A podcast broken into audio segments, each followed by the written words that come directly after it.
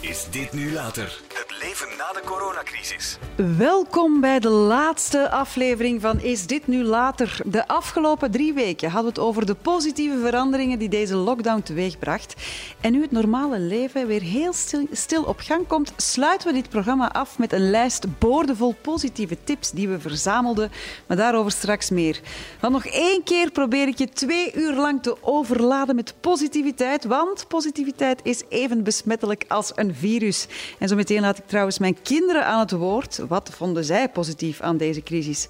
Wat ik me afvraag is, gaat de wereld er nu echt anders uitzien na de coronacrisis? Ik bespreek het zo meteen met trendwatcher Herman Konings. De voorbije weken ging ik op zoek naar de positieve kanten van de coronacrisis. En ik heb ook een heuse lijst opgesteld waar je uh, inspiratie uit kan halen. Daarover zometeen meer. Um, maar ik bel nu met trendwatcher Herman Konings. En zijn beroep is om te kijken en te voorspellen hoe wij ons zullen gedragen in de toekomst. Gaat de coronacrisis ons gedrag veranderen? En zo ja, op welke manier? En de maatschappij zoals wij die kennen, wordt die ooit nog terug normaal? Goedemorgen, Herman. Goedemorgen, Evie. Wat denk je zelf? Ik hoop dat het nooit meer terug naar normaal gaat. Dat het een verbeterde versie wordt. Maar ja, een verbeterde versie, dat is voor iedereen anders. Hè? Maar ja, ik, absoluut. Ik kan me wel voorstellen dat voor jouw beroep, trendwatcher, dat dit ongelooflijk boeiende tijden zijn. Absoluut, ja. Dat is eigenlijk uh, gevoelens fressen. Dat, daar, dat is geweldig. Nu, aan de andere kant, er is zodanig veel op uh, ons aan het afkomen. En, en die crisis komt natuurlijk, zoals vaak met crisissen, als een dief in de nacht. Dat betekent dat, ja, dat wij de laatste twee maanden met ons netwerk internationaal kijken naar wat is het menselijk gedrag aan het veranderen op dit ogenblik. Ja, ja, ja. En what, what happens after what happened. Weet je, wat gebeurt er na wat gebeurd is. Dat is wat... super interessant, hè? want we kunnen van alles roepen, maar wat gaat er... Hoe gaan we ons echt gedragen? Welke veranderingen ziet u aankomen, Herman? Ja, absoluut. We kunnen geen voorspellingen maken, maar wel voorstellingen. Dus je moet een voorstelling maken van wat er mogelijk is op basis van het menselijk gedrag. En in eerste instantie natuurlijk ons Belgen, want Belgen zijn anders dan de Noren of dan de Zuid-Koreanen of dan de Brazilianen. Weet je, dat is allemaal een klein beetje ook cultureel bepaald. Wat ik heel boeiend vind, en daar zijn heel veel studies vanuit de psychologie en de sociologie al over uh, gemaakt, is dat ja, doorgaans grote crisissen uh, ja, die versnellen de beschavingsprocessen. Ja. Hè? En wat ik daarmee bedoel is, kijk eens naar de oorlog. Nu, het gaat niet zozeer over 911, alhoewel daar ook een aantal aanpassingen uit ontstaan zijn. Ik heb het er uh, over en, gehad met Mark Reinebo. Ah, voilà, bijvoorbeeld ja. het, het, stemrecht voor, ja, ja. voor, voor, gewone burgers is er gekomen door de Wereldoorlog, maar ook de sociale zekerheid is er gekomen na, na een grote klopt. oorlog. Ja, absoluut. Maar ook het ontstaan van het consumentisme. Dat is versneld. Met consumentisme moet ik eigenlijk zeggen symbolische consumptie. Nu, wat is symbolische consumptie? Dat is het consumeren van symbolen, merken, logo's, verpakkingen, design, seks, drugs en Uh, rock roll. al die luxe die we eigenlijk niet nodig hebben, maar waar we de afgelopen twintig jaar blijkbaar niet zonder konden. Voilà. En het Alright. leuke, enfin, het leuke of het interessante is dat die symbolische consumptie heeft ons mensen ook meer individueel gemaakt. We hebben individualiseringsprocessen gekend. We waren geen klomp mensen meer die dan mooi van bovenaf konden gestuurd worden. We gingen ons eigen gedrag sturen. En we hebben niet altijd rekening gehouden met de anderen. Niet dat we dat bewust waren, maar we zijn beginnen te consumeren en nog meer consumeren Ja. en nog meer en globaliseren en verpakkingen en vliegtuigen en alles erop en eraan. En dan krijg je de jongere generaties die pas de laatste tien jaar heel nadrukkelijk met de luide stem, en zeker naar de babyboom generatie, oké boomer, wat je ons hebt aangedaan is niet, is niet te harden. Je hebt fouten gemaakt. En we hebben een klimaatprobleem. En dan zie je ook dat een samenleving begint na te denken over, dat is een beschavingsproces, over een meer eco-verantwoord gedrag. Ja, die, die stem hebben we heel vaak gehoord. En zoals jij Ja. zegt, de laatste eh, schooljaar, letterlijk, van stakende Mhm. eh, pubers, eh, jongeren, die zeiden het is genoeg geweest voor het klimaat. Maar het gekke was, daar gebeurde er eigenlijk niet zoveel mee. Nee. Bedoel jij en dat- nu wat meer. Ja, deze crisis eigenlijk ook dat proces gaat versnellen? Ja, als je twee dagen geïsoleerd wordt, hè, eh, wanneer de pauzeknop ingedrukt wordt, dan ga je beginnen na te denken. Dan ga je ook over je zonden beginnen na te denken. En dan ga je trouwens ook een aantal gedragingen doen die gekoppeld zijn aan dat virus. Hè. Want wat is dat virus eigenlijk en hoe is dat ontstaan? En het is gigantisch bedreigend. Heel veel mensen weten wel dat de kans klein is dat je overlijdt aan het virus als je jonger bent dan 70. Maar iedereen heeft er toch eh, moeite mee. Want stel je toch maar voor, of sterker nog, je wordt ook verplicht door de overheid om thuis te blijven. Ja. Om je handen te wassen. En dat zijn nieuwe gedragingen die. Ja, ken je misofobie? De angst voor de smet, de smetvrees. ja, ja. Ja, dat gaat natuurlijk een tijdje door eh, hameren. We in de willen, het, we willen het positief houden. Hè? Ja. Wat ik begrijp is dus dat jij zegt dat we eigenlijk Ja. door deze crisis waarschijnlijk gezonder gaan leven. We gaan gezonder leven. Dus smetvrees is inderdaad negatief, maar we gaan natuurlijk ook een andere manier om immuun te worden gaan. Dat is, dat is wel bijzonder dat je dat En dat is bijvoorbeeld bewegen. Hallo? Bewegen. Ja. Ja, wij hebben dus eh, aan de luisteraars ook gevraagd van welke positieve veranderingen zij bij zichzelf zien. Mhm. En daar komt echt naar voren dat eh, meer bewegen, eh, gezonder eten, meer tijd besteden aan koken, meer rust. Dus wat, wat, wat u zegt, is, komt wel al naar voren. Een kwestie van dat we gezonder willen. Er zijn nu meer mensen die bewegen dan, dan voor de crisis. Dat is toch Ja. straf? Dat is eigenlijk niet zodanig straf, omdat de, de redreis is weggevallen. Je hoeft, ik heb geen tijd, ik moet nog mijn eten klaarmaken. De kinderen zien me nauwelijks. Ik moet nog een mail beantwoorden. Ik heb nog een FaceTime-gesprek. Dat was trouwens voor de crisis ook al het geval. Dat is allemaal weggevallen. En we hebben nu de tijd uiteraard om in de koelkast te kruipen. En dan zeggen we, oei, ik ben toch een paar kilootjes bijgekomen. En iedereen zegt mij op radio en tv en in kranten dat ik moet bewegen. En oké, waarom zou ik niet te voet naar de winkel gaan? Want dat is de enige mogelijkheid die mij door de overheid nog is toegestaan. Ik ga te voet, want je mag je auto niet gebruiken, want dan is het geen essentiële verplaatsing. Ja. En hé, hey, dat valt mee en ik voel me beter. Ja, en dus bewegen, maar ook gezonder eten. Vergeet niet, hè, die, die crisis is veroorzaakt vermoedelijk door een buidelrat of een vleermuis. Daar zijn de wetenschappers het nu wel over eens. Dus we gaan toch eens nadenken over onze relatie met dierlijk eten. Hé, wil- er staan plantaardige initiatieven. Ik wil het zo Een- een- meteen een met jou-. Ja, een burger die plantaardig is. En dat zien we ook eh, gebeuren op dit ogenblik. Herman, er zijn nog een paar dingen die ik eh, aan jou wil voorleggen, die we ook de afgelopen weken besproken hebben ehm, hier in eh, Is Dit Nu Later? En dat is natuurlijk ook het thuiswerken. Ik belde daar ook eh, met eh, onze minister Krevits over. En ik hoorde toch wel een beetje de aarzeling in, de, in haar stem. Ze, ze, ze wou wel toegeven dat het goed was voor een bepaald deel van de bevolking, maar niet voor iedereen. Maar ik voelde dat ze nog niet voluit voor dat telewerken durfde gaan. Wat is jouw voorstelling? Ja, wel mijn en dus die van, laten we zeggen, de wetenschap. En Ja. niet zozeer de sociologen, maar de psychologen, die Ja. dus naar het menselijk gedrag kijken. Ja. Die zeggen van ja, maar. Hè, eh, en we zien trouwens de studies die aangeven, je moet eerst polsen bij het volk van, dat thuis heeft gewerkt, moest werken thuis. Dat is een, toch een. Ja, ja. verplichting geweest. Die zeggen van eigenlijk valt het best mee, maar aan de andere kant, ik mis mijn collega's. Ik mis de geruststelling van mijn collega's. Ik mis het driedimensionele gesprek. Wat bedoel ik daarmee? Dat je eens rond kan kijken en dat je niet gebonden bent aan de mugshots die je op je scherm hebt zitten Ja. of staan, maar dat je eens rond kan kijken, dat je nog andere mensen een knipoog kan geven, dat je eens met iemand apart kan praten en een beetje roddelen over je collega's. Ja, roddelen blijkt ook belangrijk te zijn. Maar ja, natuurlijk. En, en angst natuurlijk. Van als je niet zichtbaar bent, als je niet zichtbaar bent voor je baas. Zal ik even wachten? Ja, oké. Opnieuw. Omdat er een Ik, eh, telefoon we weten afging. niet we Ja. weten niet waar de telefoon afging. Het is niet van mijn het collega's, want ik ben hier alleen. Nee, mijn gezin ik, ga, is hier. ik, ga, Ja. ik zal, ik, ik Ja, zal het van opnieuw roddelen. doen, hè. Ja?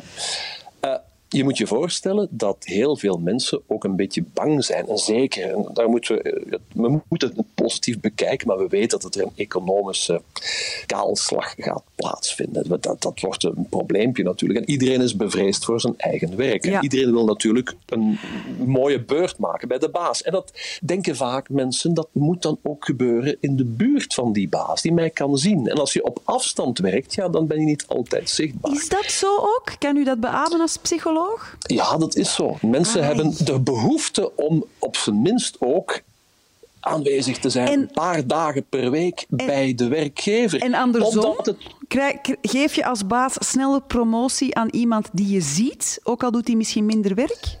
Uh, nee, natuurlijk, die, die werkgever kijkt in eerste instantie naar, naar een aantal naar een aantal gedragingen die uiteindelijk voor het bedrijf of de organisatie gunstig zijn. Ook het, het, kunnen samenwerken met het niet al, want je kan wel heel goed presteren, maar als je een etter bent of een eikel, of hoe je het ook maar omschrijven, ja, dan is het ook problematisch. Maar uh, het gaat vaak gewoon om wat er zich afspeelt in onze gedachten. De angst voor oei, als ik niet zichtbaar ben, dan moet ik uiteraard wat meer misschien op het werk mij, mijn prestaties laten zien. Ah, ja. Aan de andere kant, we hebben gemerkt dat we veel rustiger zijn. Dat we thuis dat we anderhalf uur per dag uitsparen door ons niet te verplaatsen. Dat we controle kunnen hebben over de kinderen, als er al kinderen zijn. Want iedereen spreekt nu wel over kinderen en het, lastige van kinderen in de buurt. Maar dan, hè, in uh, het post-corona-tijdperk... Ja, dan gaan die ook terug naar school en zo. Hè? Dan gaan die naar school gaan. En bovendien, de meerderheid van mensen heeft geen jonge kinderen.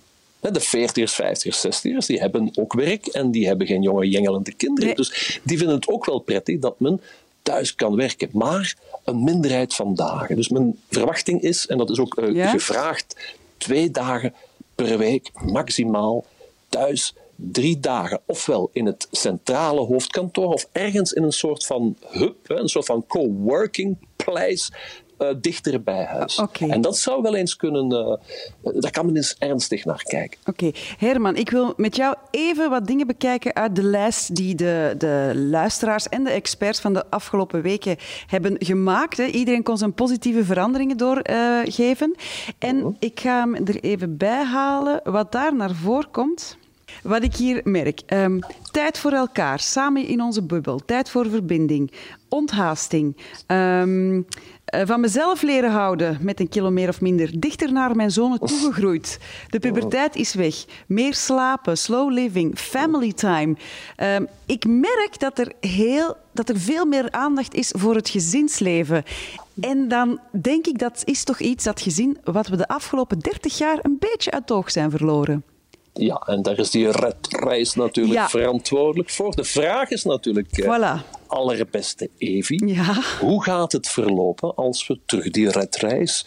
Ja, die zal waarschijnlijk... Iedereen is vol uh, goede voornemens. We gaan minder een redreis eh, gaan, gaan houden. Ja. We gaan wat meer aandacht aan ons gezin besteden. Maar eenmaal, en, en dat is het probleem natuurlijk van die buffer, die economische terugslag.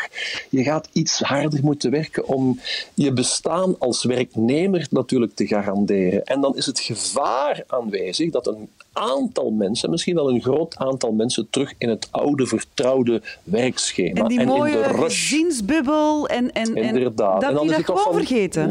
Ja, dan zal dat, in het achterhoofd zal het wel meespelen. En geloof me, een aanzienlijk aantal mensen gaat hieruit geleerd hebben.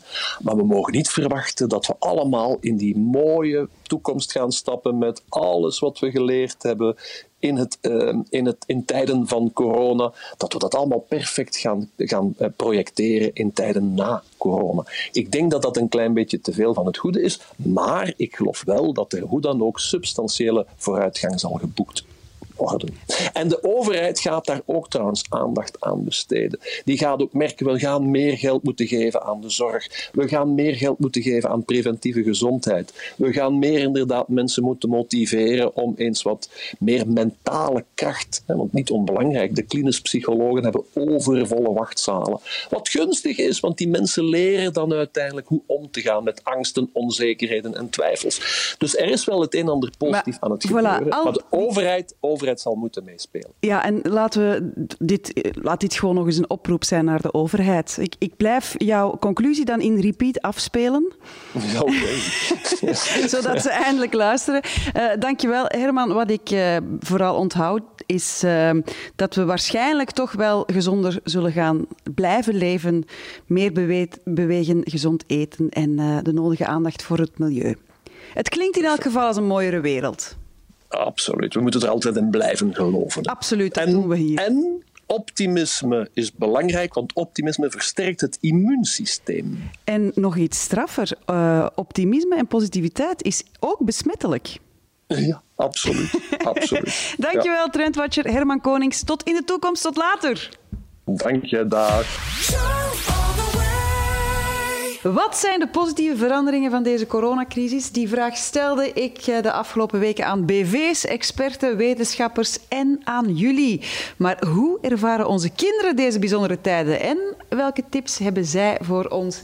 Ik heb hier toevallig twee kinderen in mijn bubbel en ik geef graag het woord aan hen, aan Mak, 9 en Scout, 11 jaar. Oké, mama, pas op. Ga maar zitten. Um, wij wat wij positief vinden aan, aan het coronavirus is. Um, als wij voor school werken, dan zijn we normaal altijd zo met veel kinderen in de klas.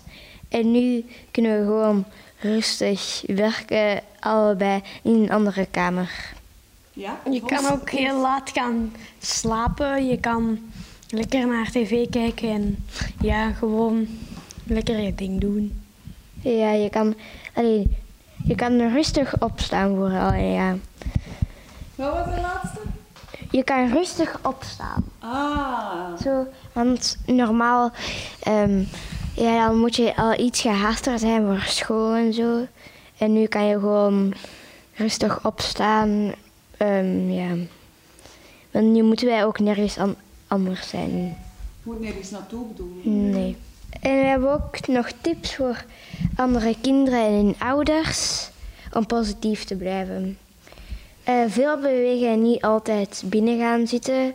Ook al heb je geen, e-, eerst geen zin om buiten te gaan. Want als je dan buiten bent, dan, dan heb je ineens veel zin om er, naar iets anders te gaan dan binnen te zitten. Dat hebben jullie zelf ook meegemaakt, hè? Dat je ja. zegt, kom, we gaan naar buiten. En wat zeiden jullie dan? Dat we geen zin hadden. Mm -hmm. En dan? Um, veel samen spelletjes spelen met je, uh, met je gezin. Want dat is heel leuk om te doen. En je kan veel ja, leuke spelletjes opnieuw ontdekken. Ja. Welke? Uh, Mind, uh, Uno. Vooral Halligalli. veel spelletjes terug boven halen dat je eerst nooit speelde. Maar nu heb je daar ook de tijd voor. Um, en dan de laatste tip.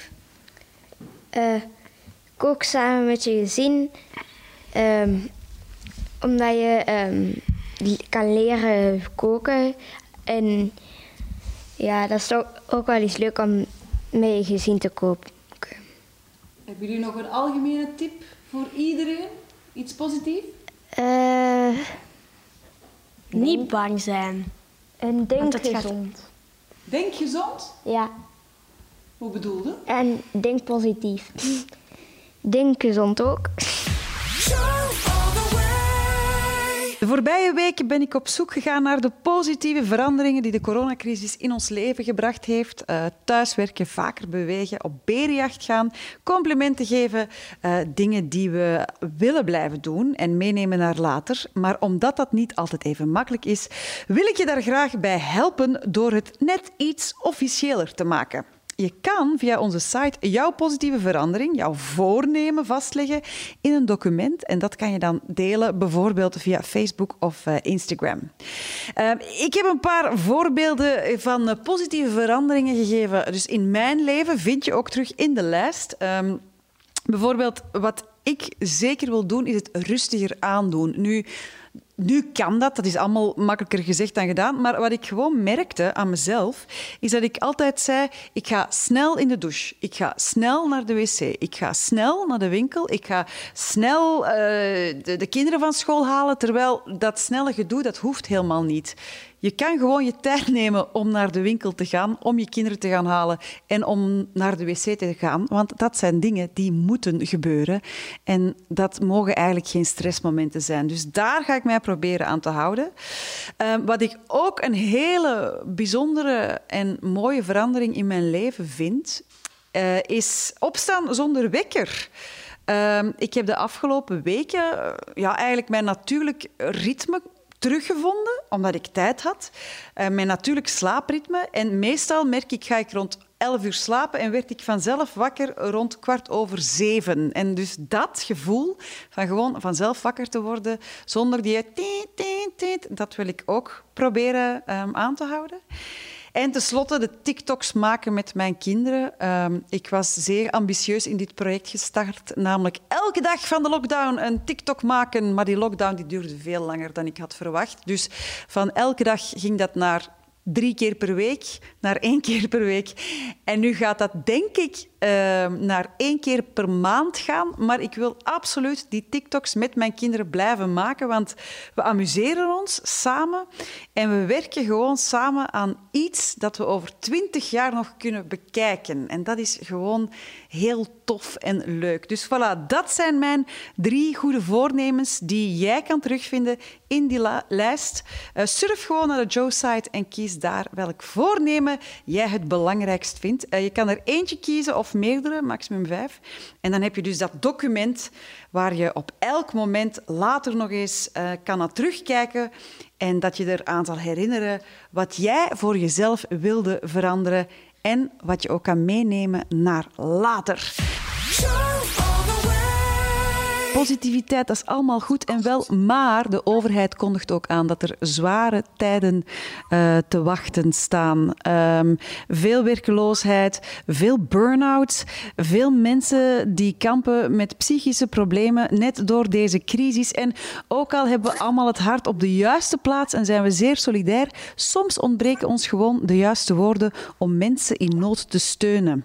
Enter Mirte Rombouts. Zij is uh, een luisteraar die reageerde op mijn oproep om uh, te laten weten wat de positieve veranderingen in deze crisis zijn. Uh, want zij heeft eindelijk tijd gevonden om een idee uit te werken. Mirte, hoe gaat het met jou? Ja, uh, ja, heel goed. Um... Mag ik jou eerst complimenteren? Want dat is ook een ja. tip van een luisteraar. Je moet elkaar meer complimenten geven. Je hebt een hele mooie blouse aan. Uh, de mensen die dat, dat, nu horen, die kunnen even kijken op de Joe-site. Want uh, dit gesprek wordt ook uitgezonden. Dus mensen kunnen jouw mooie blouse van Mirte ook bekijken. Genoeg, genoeg gezeverd, Mirte. dat mag ook al eens in deze tijden. Absoluut. Jij hebt door de coronacrisis tijd gevonden om een idee uit te werken waar je al heel lang op zat te broeden. En dat heeft alles te maken met de juiste woorden vinden voor mensen in een moeilijke situatie. Klopt, inderdaad. Um, dus dat is um, een, ja, iets wat ik eigenlijk al, al meermaals heb opgemerkt. Hè, dat mensen, wanneer het wat moeilijker wordt, als er uh, iemand ziek is, iemand gestorven is, uh, of gewoon iemand eigenlijk een diepje heeft, uh, dat mensen eigenlijk moeilijk hun woorden vinden. Mm -hmm. Of dan laten we helaas soms ja. niks weten. Ook, inderdaad. Of, of, geen woorden, of misschien niet de juiste woorden. Ja. Um, en inderdaad, tijdens de coronacrisis heb ik zelf ook wat extra tijd elke dag. En uh, dus ben ik dat ideetje verder gaan uitzoeken. Ja, je hebt een, um, een Instagram. En ben ik gekomen tot mijn... Sorry. Ja. Ik hoor jou net niet. Wacht, zeg nog eens. En zo ben ik inderdaad gekomen tot um, het creëren van mijn Instagram. Ja, je hebt een Instagram-pagina, Warme Woorden. En daarin deel je tips met mensen. Nu, even voor alle duidelijkheid, zo de juiste woorden vinden, dat kan in elke vorm. Hè. Dat kan een mailtje zijn, dat kan een, een, een brief schrijven, een telefoontje. Ja. Wat doe jij dan juist? Ja, um, dus het idee is, ik ben daar nog maar uh, twee weken geleden mee gestart, dus het is nog allemaal heel nieuw.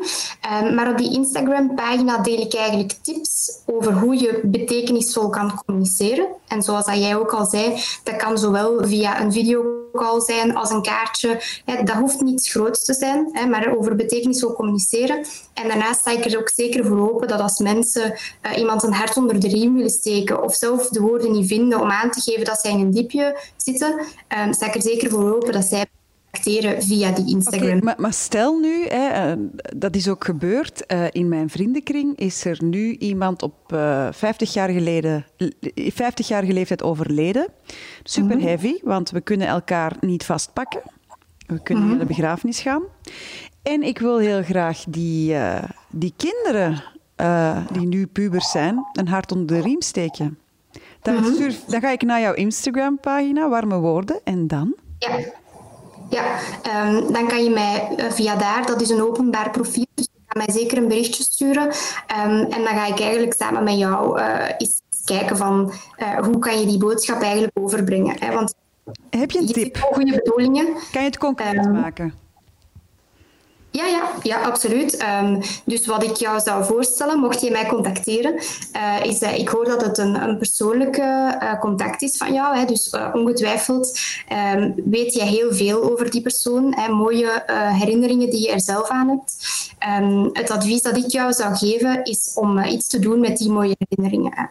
Dat zal zeker en vast voor die kinderen die dan zich even misschien heel eenzaam voelen met dat grote verlief, verdriet, sorry, en dat zal hun zeker een hart onder de riem kunnen steken, dat jij even terug die, die mooie warme herinneringen kan bovenhalen en met hen kan delen. En dan delen op, op met, met een videocall of met uh, een, een, een briefje of zo?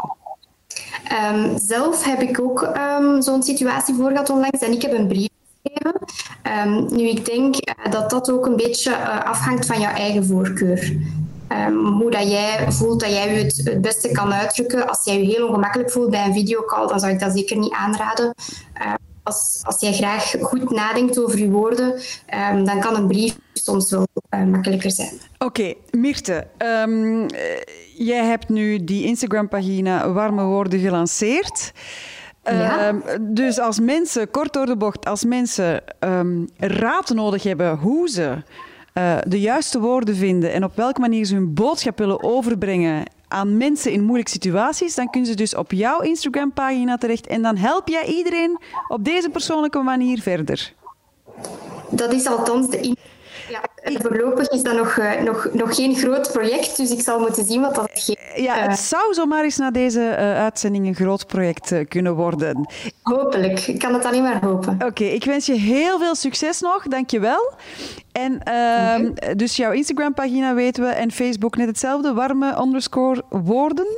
Een Facebook-pagina heb ik nog niet aangemaakt, dus het is voorlopig via Instagram. Um, maar je kan me wel vinden op Facebook uh, op mijn naam, Mirte Rombouts. Uh, en dan mag je mij daar gerust ook een berichtje sturen. Dat stoort zeker niet. Heel veel succes, Mirte.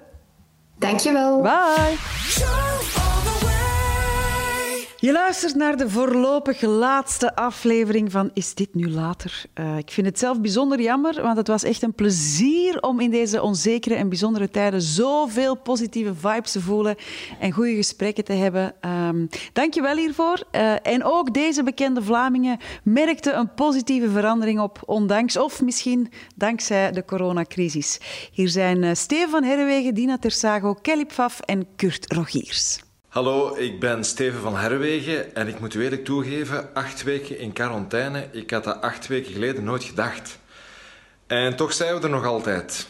En ik moet u ook eerlijk bekennen dat uh, 24 uur of 24 uur samen met de kindjes zijn, dat dat soms best pittig is. Zo lesgeven, heel de dag papa, papa, papa. En toch, als dat binnenkort allemaal gedaan gaat zijn, dan ga ik dat heel hard missen. Heel de dag met die kindjes samen zijn. Hoe uniek is dat buiten? Af en toe is op vakantie samen, zie je elkaar nooit. Dus ik hoop, um, en dat is toch alleszins mijn ambitie, om veel meer bij de kindjes te zijn, ook na de quarantaine. Want we hebben maar één leven en tijdens dat leven wil ik graag met mijn kinderen er zijn en ook op mijn gemak zijn. Ik wil ze af en toe terug naar de winkel brengen, um, maar bovenal zie ik ze doodgraag. Dus Dank je quarantaine dat ik dat inzicht toch heb mogen verwerven. Hallo iedereen, met Dina Tersago. Um, Evi die vroeg mij wat ik um, misschien al bijgeleerd heb uh, in deze periode en wat ik hier wil uit meenemen uh, als dit allemaal achter de rug is. Wel, ik moet zeggen, um, ik heb tegen mijn kinderen gezegd, we moeten in deze periode heel lief zijn voor elkaar en vriendelijk. Um, dus als wij buiten komen, als we al eens uit ons kot komen of naar de winkel gaan, of op straat met onze fiets gaan rijden, dan knikken wij vriendelijk naar iedereen en wuiven wij naar iedereen. En dan krijgen wij meestal een hele vriendelijke goede dag terug. En dat is zo leuk. Dat maakt iedereen zijn dag gewoon een klein beetje aangenamer, want we zitten allemaal in hetzelfde schuitje. Dus ik hoop dat we na deze periode gewoon allemaal lief en vriendelijk blijven voor elkaar. Hallo iedereen, mijn naam is uh, Kelly Pfaff en Evie die vroeg aan mij wat ik heb geleerd tijdens deze lockdown en wat ik zeker zou willen verder zetten na de lockdownperiode.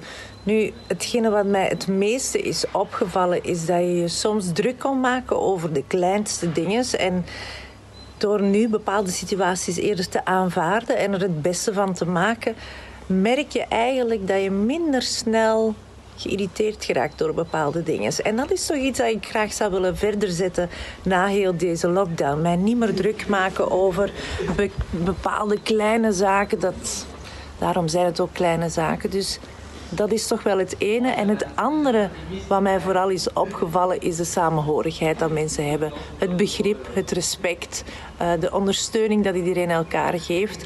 En blij zijn ook met al deze kleine dingen die tijdens een lockdown het leven zoveel beter maken. Dus ik hoop dat dat ook blijft bij iedereen na deze lockdownperiode. Hey, mijn Kurt.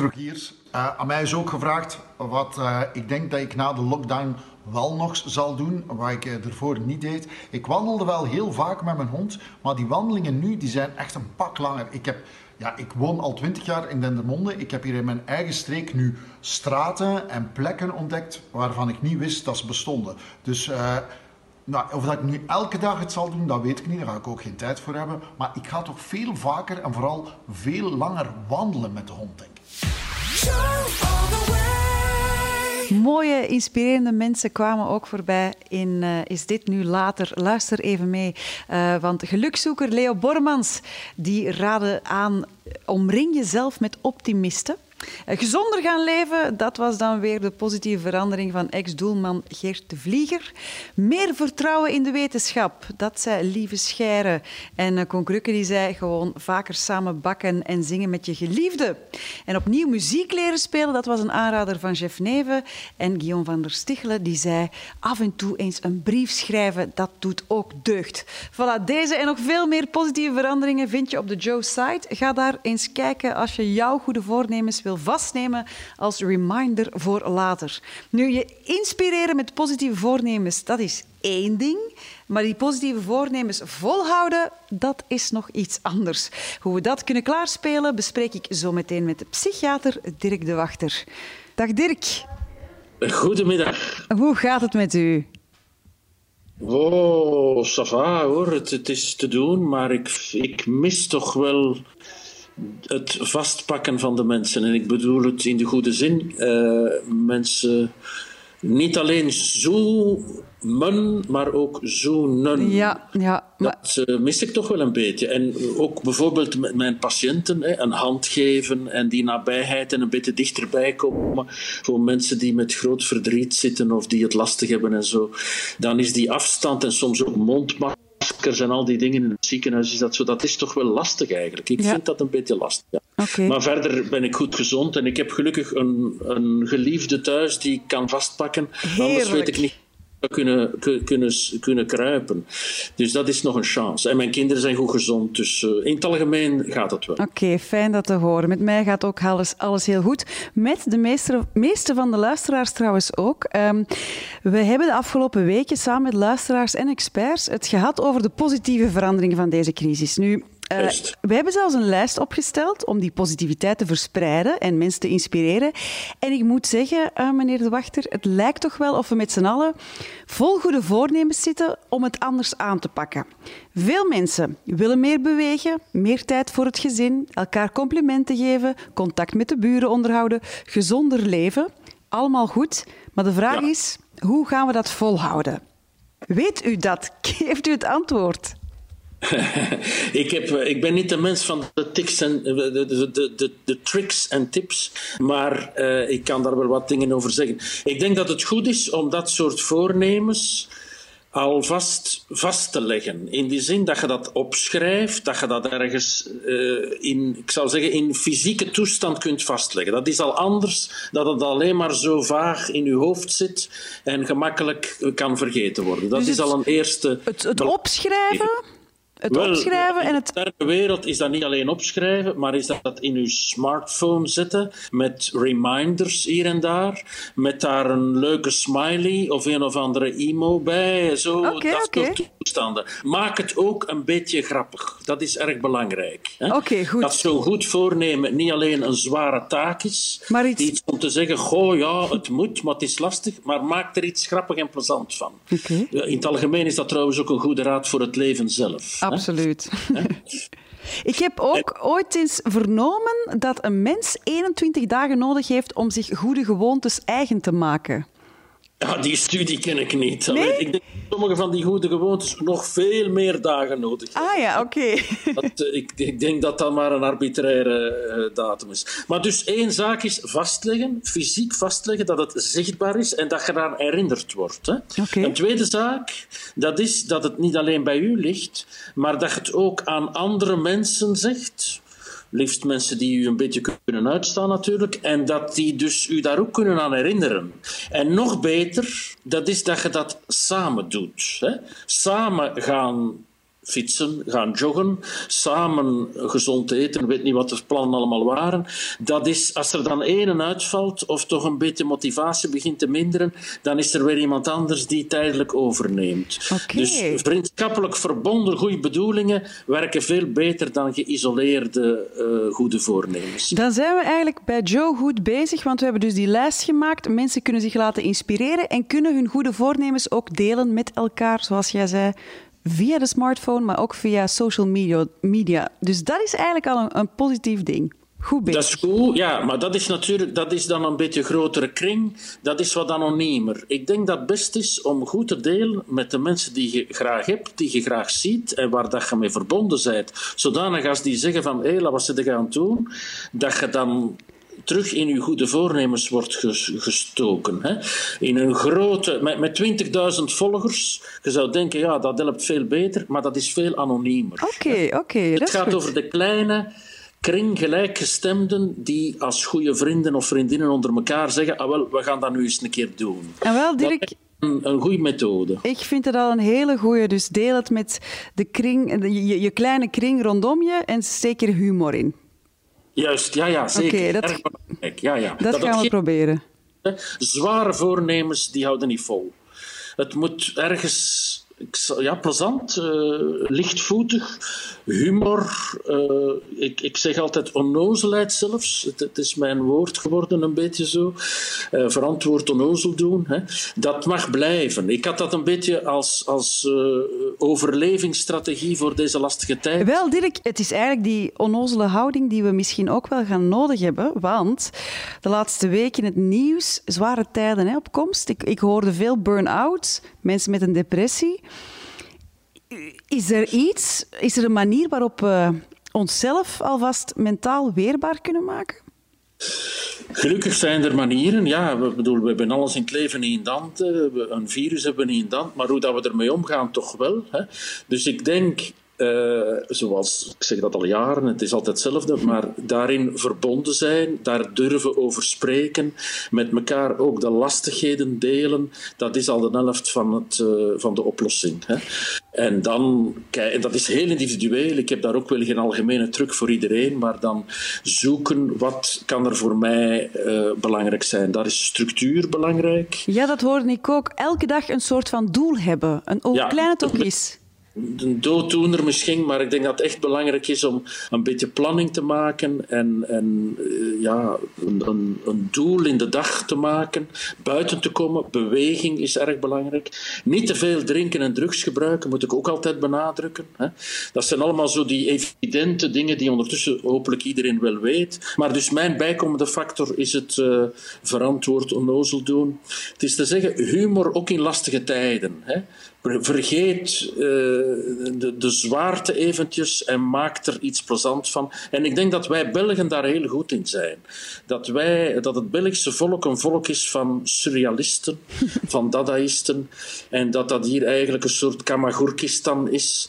Waardoor we zelfs in lastige tijden ons uh, goed humeur niet verliezen. Dat is eigenlijk een echt heel belangrijke eigenschap. Voor, uh, en dat mogen we ook behouden. Hè. Dat is dus, dus in de coronatijd. En mogen we dan ook lachen met, met, met corona?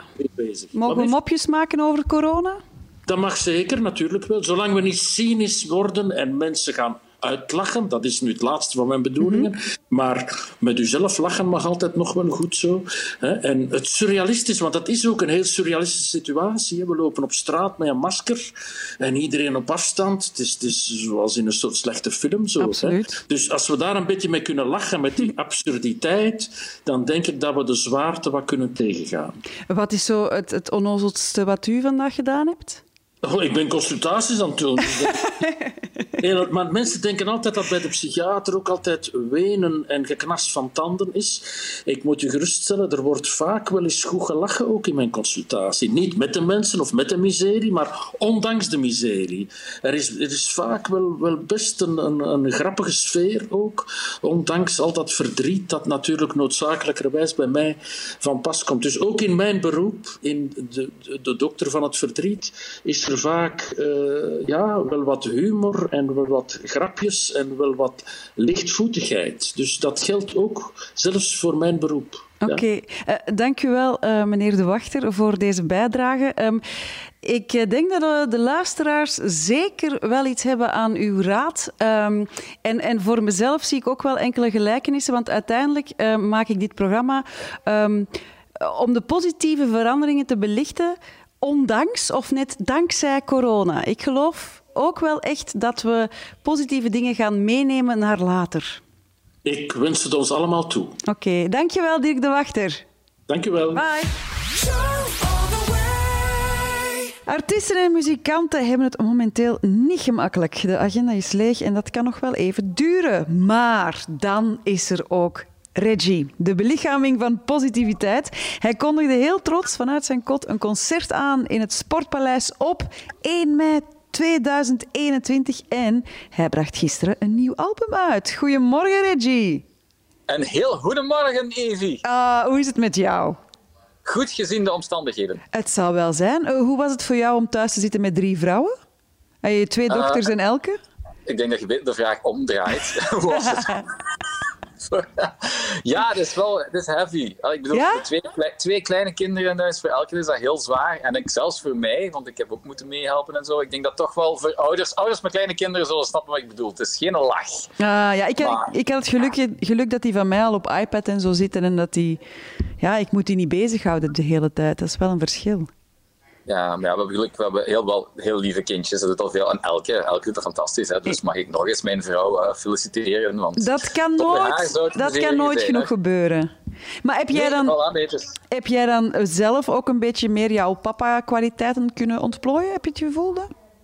Ja, we gaan niet overdrijven, nee. maar een beetje toch wel. Een ja, beetje. beetje toch wel. Okay. Het, is wel, het, is wel heel veel, het is wel heel veel quality time. Hè. Alleen niet altijd quality, veel time, maar toch ook als je, ik denk achteraf gezien gaat dat wel mooi zijn, dat je zoveel tijd doorwerkt. Maar soms is het gewoon te veel, omdat het, dat, dat stopt nooit. Hè. Die gaan nooit eens weg. En, ja, de school gaat nu een heel klein beetje beginnen, maar dat is ook maar een druppel op een hete plaat, want René gaat nog altijd thuis zijn. Dus ja. het is wel wat. Ja. Het is wel wat. Maar ondertussen had jij blijkbaar nog wel genoeg tijd, ook met die twee kleine meisjes rondom jou, om een nieuw album te maken.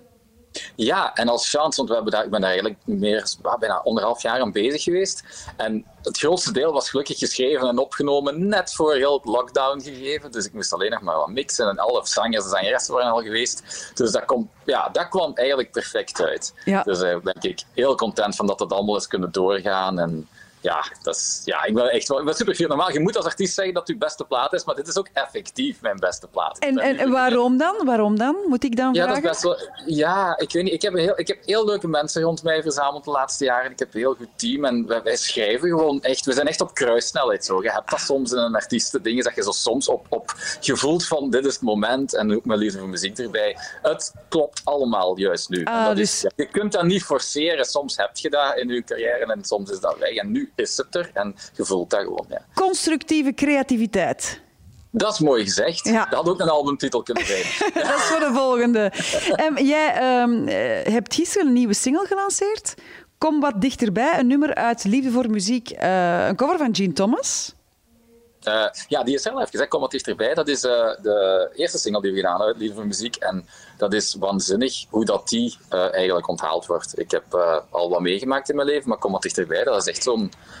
Ja, en dat is echt, dat ze zeggen, een monsterhit. En hè. ligt dat aan deze tijden? Ik probeer maar positieve dingen te zoeken in deze coronatijden. Hè. Zou dat er iets mee te maken kunnen hebben? Ja, het kwam echt wel. Het is toen, net toen die lockdown begon, begon was ook, werd ook Kom wat dichterbij gelost. En ik had daar, wij wisten, kijk, dat was een heel emotioneel nummer. Ik wist al van bij de opnames, ik was aan het wenen, Jean was aan het wenen, bij de repetities stonden we al met tranen de ogen. En dan kwam heel dat coronagevoel erbij. Ja, dat konden wij natuurlijk niet weten, maar dat gaf dat nummer nog zo'n extra dimensie waar wij ook nooit aan gedacht hebben. En wat blijkbaar voor heel veel mensen eh, ja, dat heeft een gevoelige snaar geraakt. Zelfs bij mij, want ik dacht ook van, hoe kan dat nu dat dat zo goed past eigenlijk bij dit? Ja, dus het is gewoon, ik denk dat mensen dat ook altijd gaan blijven herinneren eh, aan deze tijd. Zoals je dit gaat terug horen binnen tien jaar, gaat je nog altijd weten van, ah ja, ik was toen daar. Oké. Straks gaan we luisteren naar een, eh, een live versie van Kom wat dichterbij. Ehm, maar voor het zover is, nog even terug op... Ik vind dat fantastisch, hè, Reggie, dat jij even gewoon een concert aankondigt in het Sportpaleis. Bam, 1 mei 2021. Jij gelooft erin, jij doet het gewoon. Is dat een... Ja, ik vind het ook een plek. Ja, het is een beetje positiviteit. Maar als we niet gaan hopen en als we niet een beetje ja, denken dat het ooit goed komt, wat moet ik dan doen? En het is ook een beetje typisch mij zo. Hè? Als, als, iedereen zo van, "Oh," dan ga ik, kom, Sportpaleis. Ik hoop gewoon hè, dat tegen 1 mei 2021 dat het dan toch een beetje opgeklaard is. Hè? Het zou een gigantisch feest zijn als eh, we dan eindelijk terug mogen gaan. Hè? Ik kijk daar echt naar uit hoor. Daarom, Ja. je moet dat ook doen nu. Ik, ik had toch niet bij de pakken blijven zitten nu van kom aan zeg. We gaan er gewoon Hey. Reggie, ik maak dit programma, is dit nu later met alleen maar positiviteit, dus ik geef u groot gelijk. Dankjewel. Ja, eh, wetenschappers hebben ook eh, gezegd dat positiviteit even besmettelijk is als een, als een virus. Dat is bewezen. Ah, Maar eh, Reggie, als ik u hoor en zie, jij bent ook even besmettelijk als een virus. Op een Ah, positieve manier. Ehm, ik- Ja, maar ik blijf ook positief. Je moet positief blijven. Wat moet je, ja, we hebben niks anders. Hè? Positief, kom aan. Voilà, we geloven erin. Ehm, ik wens jou alvast eh, een hele fijne, ja, lege zomer, dat wel dan. Eh, ja, maar ik besef dat nog niet. Ik ah, zit ja. nu nog altijd zo in de trip van album en lieve muziek. Ik denk dat ik zo volgende maand met Frank gaat vallen van wow, waar is mijn zomer naartoe? Maar dan verzinnen we ook wel weer wat hoor. Eh, Ik bedoel, Ja, kan- er die- komt wel weer wat. En er lopen twee kleine meisjes rond, hè.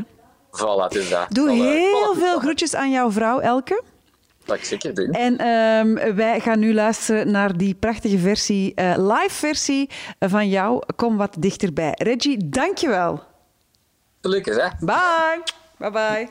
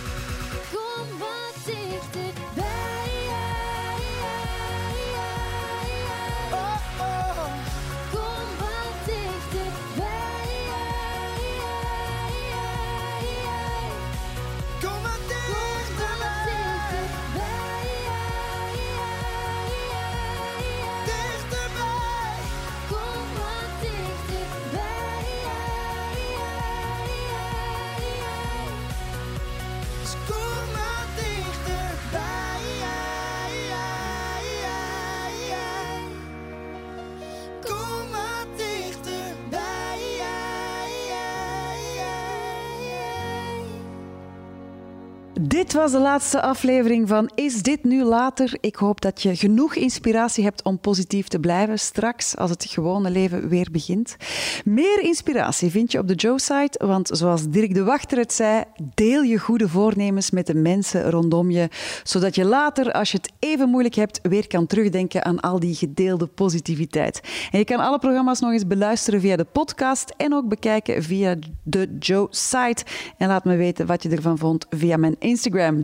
Voilà, eh, dit was het. Ik vond het in elk geval fantastisch om dit programma te mogen maken en de zaterdag te starten met positieve vibes. Ik wil ook even Jan Tans, Hans de Puit en Lenke van Olmo bedanken om dit programma mee samen te maken.